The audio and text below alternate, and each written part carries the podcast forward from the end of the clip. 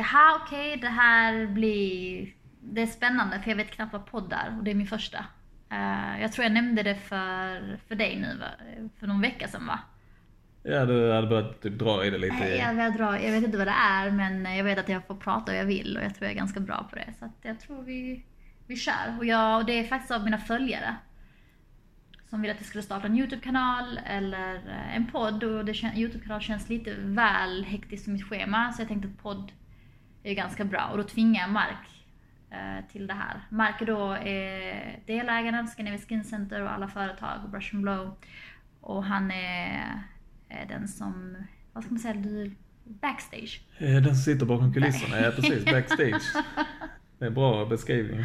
Backstage och han är den som ser till att jag får göra allting lagligt i och med att jag jag är laglig men eh, jag får massa idéer som kanske inte alltid är lagliga. Så är Mark min lagbok. Ja, Mm. Då har vi det. där har vi det. Okej, hur har hela den här resan börjat? Var, var startade det någonstans? Ehm, jag tror alltid jag varit intresserad av skönhet. Jag har nog alltid varit en säljare. Alltså det, det måste jag nog... Jag tror det alltid legat, det är en passion på något sätt. Sen vad för typ av skönhet? eh, Det kan jag inte riktigt, jag vet inte riktigt var det började. Men jag började jobba i en butik på Matas. Samtidigt så pluggade jag i Los Angeles till dietist.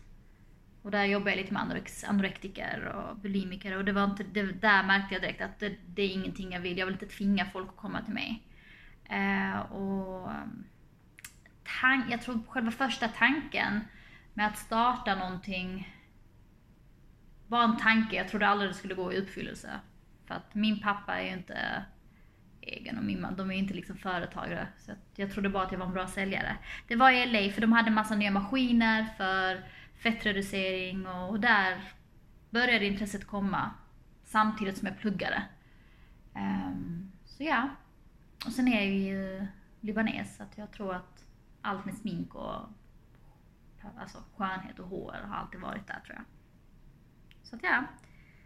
Det börjar väl där någonstans tror jag. Att jag hoppade av och ville inte bli dietist. Kom tillbaka, förlovade mig.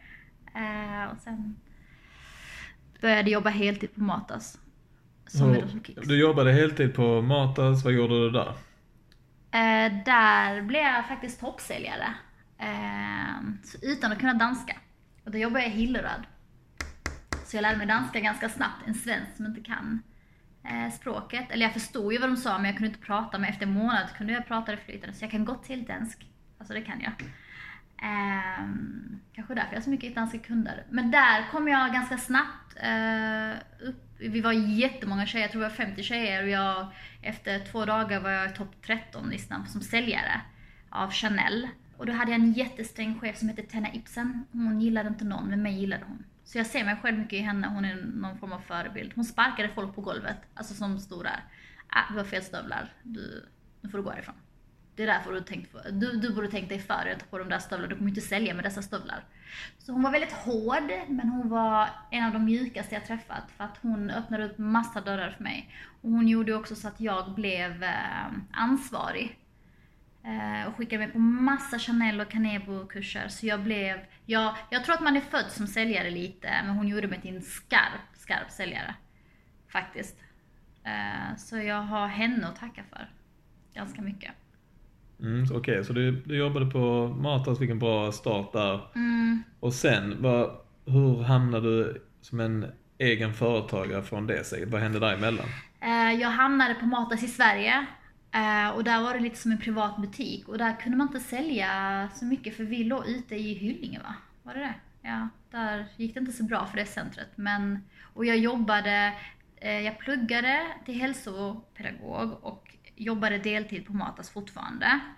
Ehm, och fastän jag inte jobbade heltid så låg jag alltid bäst till i försäljning. Eh, och kunde nästan boka tid bokstavligen för att komma och få råd och så vidare. Och sen kom jag på idéer hur man säljer foundation som bäst. Och då sålde jag den dyraste som var Canebo. Att jag delade halva ansiktet eh, så att de kunde se skillnaden. För jag lärde mig snabbt att kunder glömde hur de såg ut. Alltså om man hade makeat det hela. Så jag kom på sådana säljtricks liksom. Eh, så funkade. det. Och jag vägrade sälja någonting som inte funkade så jag sålde inte Canebos krämer. För att jag trodde inte på dem. Tyckte inte de var så bra för det priset. Um, och då, var, då hade jag kunder som frågade, men ska du inte starta eget? Alltså du får ju en och samma lön. Um, och jag vägrar komma någon, alltså till någon annan än dig. Så därigenom började jag tänka lite tror jag. Att jag kanske borde ha eget. Men um, jag tycker att det är väldigt, alltså folk är negativa till eget. För att jag kommer ihåg att det var någon som sa, ja men för att tjäna 100 så måste du dra in 200. Så det var så här negativt ställt, ja du måste ha så mycket kunder och skatten är på så här och så här. Så att jag vet inte, jag, jag tror var väldigt, alltså folk, jag tror jag börjat snabbare men jag hade väldigt negativt folk runt omkring mig. Eh, så jag började sakta se mig runt omkring efter fettreduceringsmaskiner som jag hade sett i Los Angeles. Och ehm, fastnade för något som heter Kavilippo som visade faktiskt alltså, väldigt bra resultat. Eh, hyrde in mig på Storgatan i Helsingborg. Eh, trodde inte att jag skulle få in några bokningar men redan första kassan låg på 2,5 så det var ganska bra. Men precis, just, jag tänker bara just i, exakt i detalj det här steget. Gick du in på jobbet en dag bara, bara sa upp dig och sen nästa dag så öppnade jag- eller hur gick det till? Usch, om de hör detta. Eh, nej, jag gjorde ju inte riktigt det. Jag sa inte upp mig direkt för att det är ju risk att starta eget. Jag visste inte om det skulle gå bra eller inte. Så Mm. är det ju. Så jag sa aldrig till någon att jag skulle- att jag hade startat, men jag hade startat företaget och öppnat upp den på kvällstid.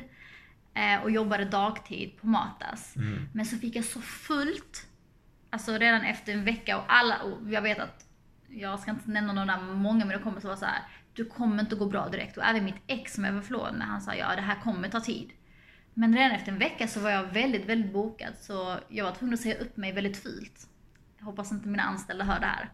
För att jag hade ju, i och med att jag var, hade någon form av position där, så kunde jag inte säga upp mig. Men jag gjorde det ändå och de kunde inte göra så mycket. Ehm, Ja, du bara gick på dagen Jag gick på en vecka. på en vecka. Ja. Så att, eh, och då körde jag liksom heltid. Och då jobbade jag från sju på morgonen till eh, nio på kvällen. Måndag till söndag. Bokstavligen. Och så hade jag inga råd med anställda. Och jag kommer ihåg att första veckan, för att med kavelipo så måste du hålla i någon form av, vad heter det? Vad heter den där? Handtag. Och röra den på det, på det området som ska då ta bort fettet. Och jag hade sån kramp. Alltså för jag körde ju verkligen heltid på allt. Uh, ja, så, så började jag. Så på en vecka gick du från anställd till egen företagare kan man säga. Men eh, hur kändes det? Var du inte rädd? Var du inte så Jag var livrädd. Jag var livrädd. Jag hade tagit ett lån som jag inte hade råd med. Alltså jag var livrädd. Men jag var, jag var förlovad rikt. Så att, jag hade det bra, ganska bra ställt. Men han, jag kan inte säga, han har inte investerat i företaget. Men det var ett knakigt förhållande så det var inte så hundraprocentigt att han skulle vara där ändå liksom. Det var väl, när det var bra så var det väldigt bra, när det var dåligt så var det jättejättedåligt. Så att nej. Eh, och det blev ännu sämre när jag jobbade 24-7 ju. Så att förhållandet gick åt helvete. Ehm, och sen höjde jag in mig på Stureplanskliniken. Där fick jag sparken ganska snabbt. Stureplanskliniken i Helsingborg där.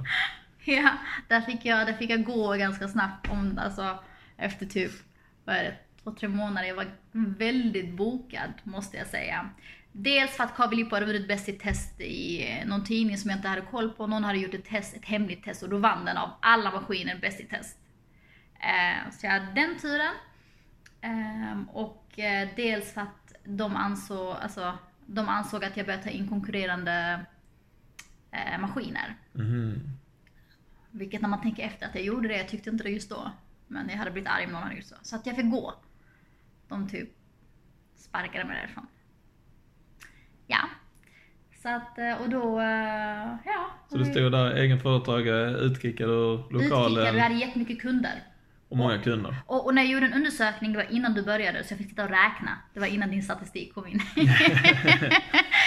det satt och räkna och eh, typ 90% var från Malmö. Och då, sa, och då hade jag en diskussion med min dåvarande fästman. Och då sa jag att jag tror att eh, i och med att jag ändå är utkickad därifrån så är det ganska bra att flytta till Malmö. Då sa han, du vet du att det- det kommer inte funka mellan oss. Alltså du jobbar redan, då ska du pendla. Men Ja, alltså jag fick sånt självförtroende av att det gick så bra. Och att jag ska inte säga att Stureplan kände sig hotade, men något blev det i och med att jag blev utslängd. Um, så jag fick gå. Uh, jag gjorde mitt. Jag uh, flyttade till Malmö. Eller jag flyttade företaget till Malmö.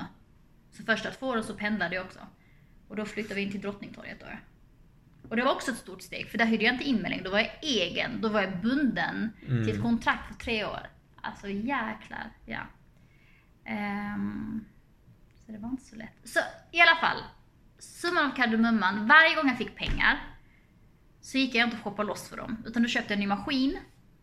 Någonting du hade ändrat på idag. Vi hade väl leasat det istället.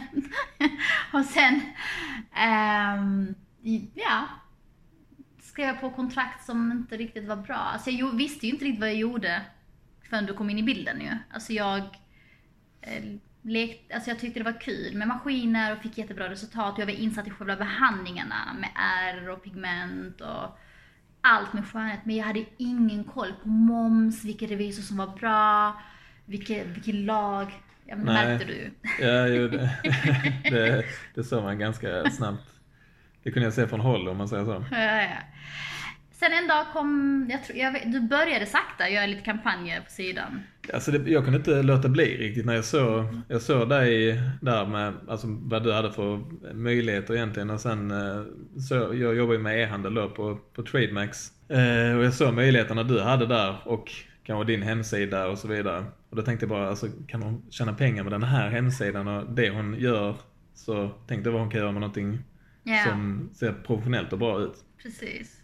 Så då, vi körde lite kampanjer på, på Facebook, kommer jag ihåg. Vi körde en kampanj och så fick vi in typ så 50 bokningar på första kampanjen. Eller? Ja, på ja, Friluftsstudentet. Ja. Så det var nytt rekord där. Då såg vi pengar. Ja, precis. Då tändes det en eld om man säger så. Ja, men du fick ganska mycket att göra. Ja, det var, det var, det var kvällar hemma där som, som gällde. Allting var fel. Det var inget rätt, eh, vad ska man säga, det var inget, alltså det enda jag gjorde rätt var behandlingarna och att jag var duktig på att sälja. Ja, ja precis. Du fick, du fick saker gjort. Ja. Men äh, säljare runt omkring och avtal utnyttjade att jag inte fattade så mycket. Som att det var någon som fick mig signa på ett, ett kontrakt att han skulle göra reklam för Facebook eller vad det var som gav noll. Ja. Det. Niklas, du, du suger. Ja, det var ett svin. Det var ett riktigt svin. Och det, min revisor, då var han bara aldrig varit med om något liknande. Alltså han, han ser ju tydligt att, alltså ja, ni har blivit lurade ju. Eh, men nej, han skulle ha sina pengar. Så att, ja. I alla fall, många sådana konstiga kontrakt Mark fick rätta till. Um, och då kom jag på idén, ja, jag hade ett val. Antingen kunde jag köra på som vanligt och tjäna de pengarna. Eller, eh, för jag hade det ganska bra med en personal och så körde jag på så, ja, lite privat. Um, eller så kunde, jag fick så mycket uppmärksamhet, konstig uppmärksamhet på Instagram, mm. sakta. Det både hat och kärlek? Mm, ja, absolut. Men det hatet gav faktiskt också väldigt mycket, måste jag säga. Så haters, ni ger alltså inte bara mig styrka, utan ni ger mig uppmärksamhet till andra, så att ni vet. Det gav jättemycket. Um, och där, jag tror att du fick mig att inse lite att du är uppmärksammad vad fan du än gör. Om du säljer bilar eller vad du är, du är någon form av varumärke. Något ja, sånt precis. då. Jag tyckte bara det var konstigt att folk hatade eller varför folk brydde sig. Eller varför folk älskade eller varför folk frågade för mycket. Och, um, så då kom jag på idén, men det är ingen som har startat ett köpcentrum. Let's do that. Och uh, och vad var reaktionen när du sa till folk att du funderar på att öppna ett köpcentrum och att du skulle flytta din eh, klinik dit? Ja, alltså det var ju igen negativt. Alltså vi lever i ett negativt klimat för entreprenörer tycker jag. Eh, då var det, men åh, passa dig hyran där och bla bla bla. Alltså, det var väldigt negativt. Eh, men samtidigt de som själva hade företag tyckte det var en bra idé. Faktiskt. De bara, ja men det stämmer, du får ju redan uppmärksamhet så där kommer du få ännu mer. Och där är öppettiderna bra och det är parkering, alltså. Men jag tänkte skitsamma, jag tutar och kör ändå. Alltså det har jag gjort med allt, så varför ska jag inte göra det nu? Så att ja, då fick jag ett eh, relativt bra kontrakt av Arne på Triangeln. Eh, och jag öppnade min första klinik där och där började folk Eh, såklart med negativt. Kommer du ihåg det att de skickade folk för att testa saker och ting från andra kliniker? Ja, precis. Att ni har tid för det där. Att andra kliniker har tid för att... Vi har inte, alltså även om jag vill jävlas, vi har inte den tiden va? Nej. Ja, det är, det är rätt fantastiskt ändå. Första veckan. Vanessa jättedålig och så har jag inte ens utfört en behandling på den personen. Jag hittar inte det i systemet. Alltså du kan ju låtsas komma in först i alla fall. Ja, vi hade ett tufft en vecka eller två tror jag. På triangeln och sen gjorde vi ännu striktare regler för saker och ting och sen började det rulla på. Vi gjorde en bra vinst januari månad tror jag. Vi körde så 50% kampanj. Mm. Ehm, och jag, jag tror jag gör alltid det motsatta folk förväntar sig. Alltså att med behandling så ska du gärna gömma dig och det, ska, det är lite skam att du visar vad du gör. Så jag drog ut britsen ut. Så, nu ska vi köra eh, ögonfransförlängning där ute. Folk ska se att det sker någon form av behandling. Ut vid, eh, alltså, ute. ute vid skyltfönstren. sky- Precis, ja. Och att ja, här sker det botox, här sker det fillers och det är okej att fixa sig. Så jag, jag vände på det istället. Jag fick jättemycket skit men samtidigt så började fler säga, ja men vet du vad, det är faktiskt inte fel. Vill jag fixa mig själv så är det okej. Så att ja, därigenom. Um, så expanderar vi vidare men vi har haft det tufft. Alltså det är inte lätt att Ja du vet, driva. Åh, det har inte varit enkelt liksom. Alls. Vi har haft, eh, det är jätteviktigt att ha en bra revisor och vi har haft jättedåliga tills nu. Har vi haft en bra. Som verkar vettig och som faktiskt bryr sig. Ja, nu känns det som att vi har hittat rätt. Det har tagit lång tid men eh, Men tro mig när jag säger att Ja. man, man sparar hund, flera hundratusen ifall man hittat rätt. För att med fel, eh, nu, speciellt nu när vi räknat på det, alltså vår revisor har gjort helt fel ju. Helt. Så det, det handlar inte om 2-3 tusen kronor, det handlar om några hundra, alltså man, man, det kan gå helt fel. ja precis. Ja. Nej, alltså, ekonomin är ju alltid grunden till att det går bra. Ja. Så att, ehm, ja. Så, vad ska man säga, så expanderar vill vi till Stockholm. Ja, hur ser det ut nu? Det finns en klinik på Triangeln, en på eh, I Stockholm. Norrby centrum, Mm. Stockholm. Och sen har vi Brush and Blow på Emporia. Och sen om tre veckor öppnar vi på, Så har vi In Room också på Emporio. Eller på Eh, eh, Triangeln. ja precis. Scandic Triangeln. Och så öppnar vi Brush and Bar på Scandic Triangeln. Och det här är liksom på ett år. Allt detta har hänt på ett år ja. Ja, Ja, så det det. är mycket pengar som, som rullar. Ni, alltså, för jag tror folk säger att man är fullbokad, men jag tror inte de förstår utgifterna. Alltså av personal och hyran och så hur mycket fan vi än drar in så känns det inte som man har så mycket kvar. Än i alla fall. Jag vet att det kommer sen. Ehm, Men om man tänker så här. Det finns många som har kliniker eller frisörsalonger. Vad vad är det som gör att du kan på ett år helt plötsligt ha fyra? Från en till fyra på ett år. Jag tror att jag har ett, eh, först och främst ett öga för skönhet. Lite mer än andra. Får jag säga så? Ehm, för allt med skönhet, men speciellt när det gäller injektioner. Eh, och sen så tävlar jag alltid med mig själv på något sätt.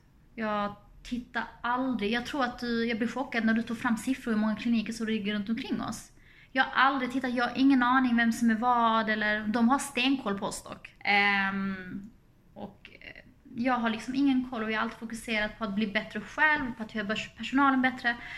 Och jag vill jobba inom skönhet och allt jag...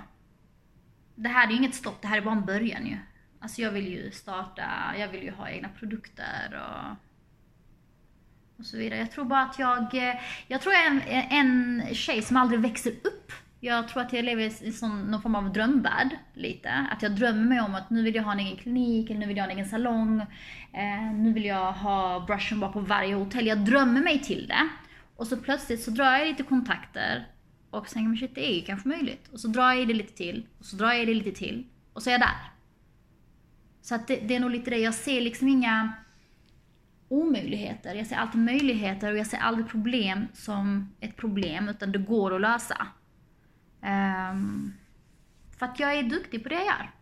Alltså jag, jag kan ju inte, jag tror inte jag hade gjort det lika bra ifall jag börjat sälja hus, för jag, jag har ingen aning, eller sälja datorer.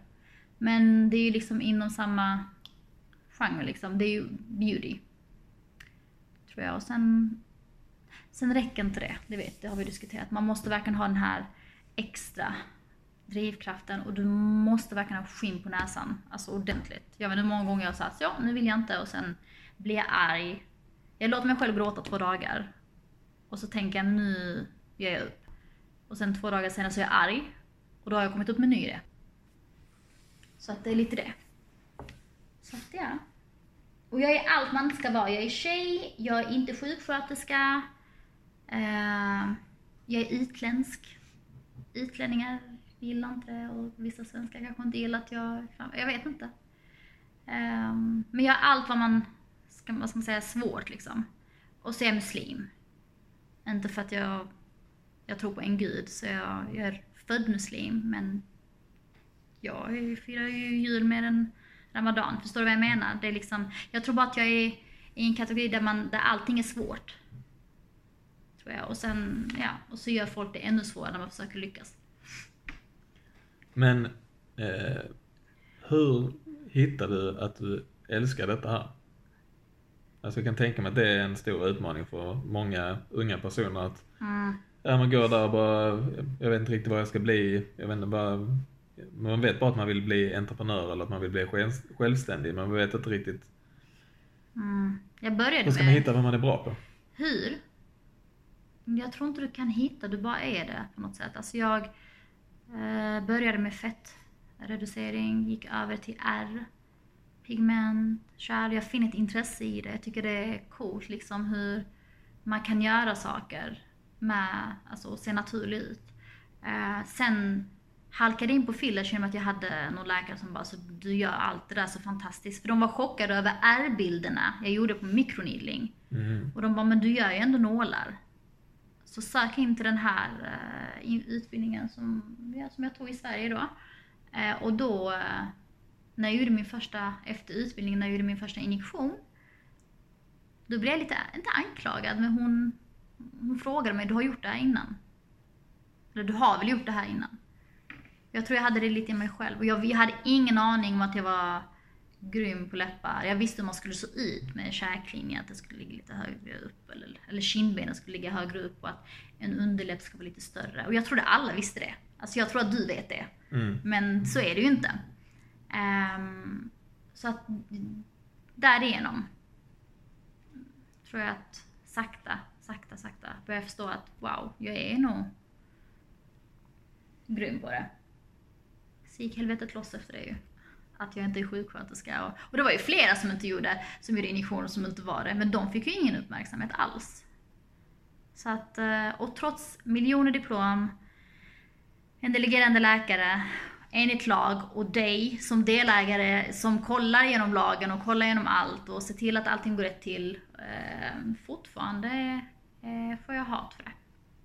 Och mycket kärlek för att jag faktiskt står för mig och bara, jag tror att vi är de som postar mest före och efterbilder i hela Sverige. Vi har ju sjuka visningar dessutom, det ser vi ju. Um, så att när man hör att vissa kunder har uh, pratat med haters, eller, eller haters, ja men går du till den här Vanessa? Hon är, hon är inte så duktig.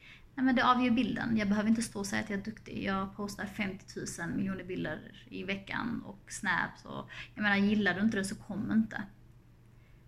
Så att jag pratar inte så mycket, utan låter bilden ta av sig själv. De som gillar det är välkomna och de som inte gillar det får ju gå någon annanstans. Det är inte mer än så. Men jag tycker det är väldigt sorgligt att oftast, jag är nog en av de yngsta som håller på med detta eh, i Sverige. Och, och det här är då vuxna människor som snackar skit jag tycker när de pratar, när kunder pratar med andra kliniker, det enda jag säger är liksom att nej men hon har ju nog gjort sitt bästa på riktigt. Eh, hon menar ingenting, det är inte meningen att du ska ha en klump, det är inte hennes mening liksom. Det är ingen som vill ha, som vill att en kund ska må dåligt. Eh, jag tycker du ska gå tillbaka och ha en diskussion med henne i lugn och ro. Medan när, när kunder kommer tillbaka, eh, eller när kunder kommer så berättar de ofta att hon här hatar dig till döds. Hon säger att du är inte sjuksköterska, ditt jobb är inte alls bra och att du kan förstöra, att du har förstört folks ansikten. Och, och det här är då vuxna människor över 40. Liksom, det tycker jag är lite konstigt. Att de har den tiden att staka upp mig. Ja. För jag har ingen aning vilka det är. Så att ja. Men jag bryr mig inte så mycket om det. Alls faktiskt. Jag tycker bara det är jävligt kul.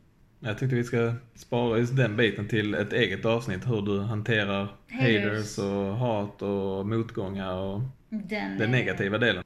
Ja. Men vet du, en sak kan man säga, alltså det är nog sant att du vet när man sårar någon så mycket, för trots allt, folk ser mig som ett företag och jag är, jag är också människa. Så när man skriver till mig på, på Instagram, du är en hora, eller du, du, är- du är inte sjuksköterska, du förstör folks ansikte, du är plast, plastic fantastic och du vet allt sånt, allt sånt negativt man bara kan säga till en tjej som bara försöker göra bra ifrån sig och jag har ingen aning vilka det är. Alltså... Man slutar ta, ta in det. För du har blivit så sårad ständigt så det känns inte längre. Man kan säga att det, det, efter en viss mängd, det är då alltså, att man komma över en tröskel typ eller? Ja, ja, ja. Alltså och innan så svarade, du kommer ihåg, du bara nästan sluta svara på dessa. Jag blir så arg att jag blir så här, åh men vem fan är du för att säga så, så, så. Jag vet inte att du existerar, du vet den mentaliteten. Nu bara blockar jag. Jag bara blockar och så går jag vidare, för jag känner ingenting. Och jag ger dem möjligheten att öppna sig. Alltså när jag står och diskuterar. Det är ju precis det de vill. Det är ju bara, ni är ju bara någon bakom en data eller en telefon. Och ni är ju antagligen ingenting. Alltså, så tänker jag att jag tycker mer synd om er och jag tror att ni behöver kärlek. Det är vad jag tror. Jag tror ni behöver hjälp. That's it. Jag tror inte det är så många framgångsrika personer som sitter Som och säger nej. pratar på Instagram. Precis, det är det, det, är det jag liksom... En, eh, jag kommer ihåg en kund, hon hade kommit in och så hade hon gjort eh, någon behandling hos Hanna och hon var inte nöjd. Och ingen aning varför hon inte var nöjd, men eh, hon ville prata med Vanessa. Men Vanessa hade inte gjort behandling på henne. Alltså, och jag har ingen kontakt med kunder, jag är överallt. Och när jag tog den så sa jag, men alltså ditt pigment är inte borta och det, står ju tydligt att du eh, att du har ju signat att det tar en till tre behandlingar och du har gjort en bara. Och då skriker hon på telefon. Jag hatar dig. Oj. Alltså verkligen så här. Jag hatar dig. Eh, du, är, du är en av de värsta jag vet och du, är, du har de fulaste läpparna jag någonsin sett. Eh, och jag vet inte varför du får den uppmärksamheten. Du ger mig ju uppmärksamhet när du Mm. Alltså oavsett om du tycker mina läppar är fula, du har ju tittat på mig. Så det, det, det hatet är jättekonstigt. Men det positiva är att 90% är ex, du ser på Instagram, jättegulliga tjejer. Så ja. Ja, nej nu eh, ska vi se, jag tänkte vi skulle runda av där och nästa avsnitt så eh, ska vi vara tillbaka med lite bättre ljud och eh, bild också. Bild. Ja, okej. Ska det vara bild? Ja. Mm. Så nu jobbar vi vidare. Vi sitter här idag och jobbar hemifrån faktiskt. Jätteskönt. Bolla lite. Det gör vi en gång i månaden. Så att... Uh... Jaha, det var min första podd då. Okej. Japp, grymt jobbat. Super, detsamma. Jag tror det här kan bli riktigt bra. Det flyter ju på. Ja, faktiskt var jättebra.